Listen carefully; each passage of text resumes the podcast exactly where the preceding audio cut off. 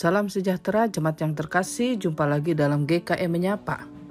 Firman Tuhan yang akan kita renungkan diambil dari kisah para rasul 20 ayatnya yang ke-35, demikian bunyi firman Tuhan.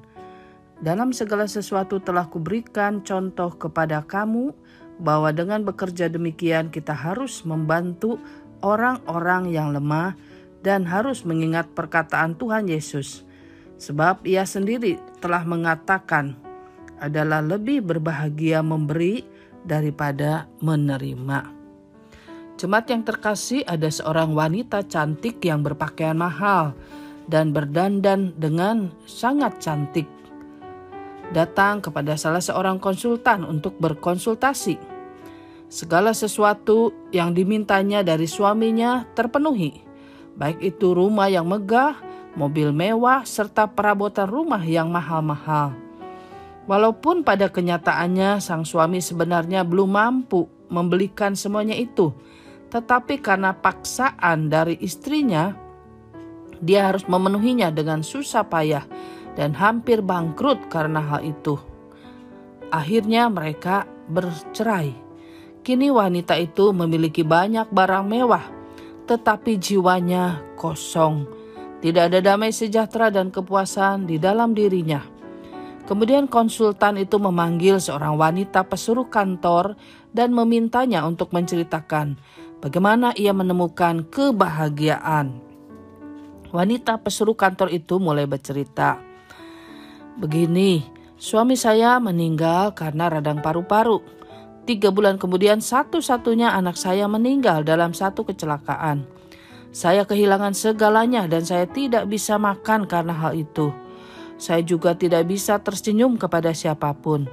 Sampai suatu hari seekor anak kucing yang kurus mengikuti saya pulang ke rumah. Entah bagaimana saya merasa kasihan dan mulai merawat kucing tersebut. Ia menggosok-gosokkan kepalanya di kaki saya. Dan untuk pertama kalinya dalam beberapa bulan, saya bisa tersenyum. Kemudian saya mulai berpikir, jika membantu seekor kucing kecil saja dapat membuat saya tersenyum, mungkin melakukan sesuatu bagi orang lain akan membuat saya bahagia.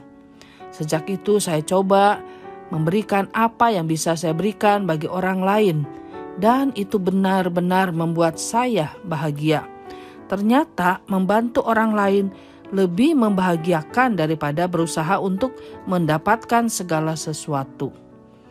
Nyonya yang kaya itu menangis ketika dia mendengar penjelasan dari uh, karyawan ini.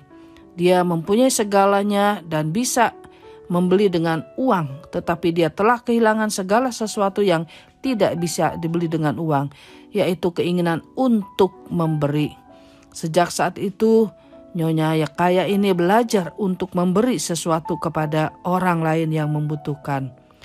Firman Tuhan pun sudah menjelaskan kepada kita hal ini yaitu lebih berbahagia memberi daripada menerima.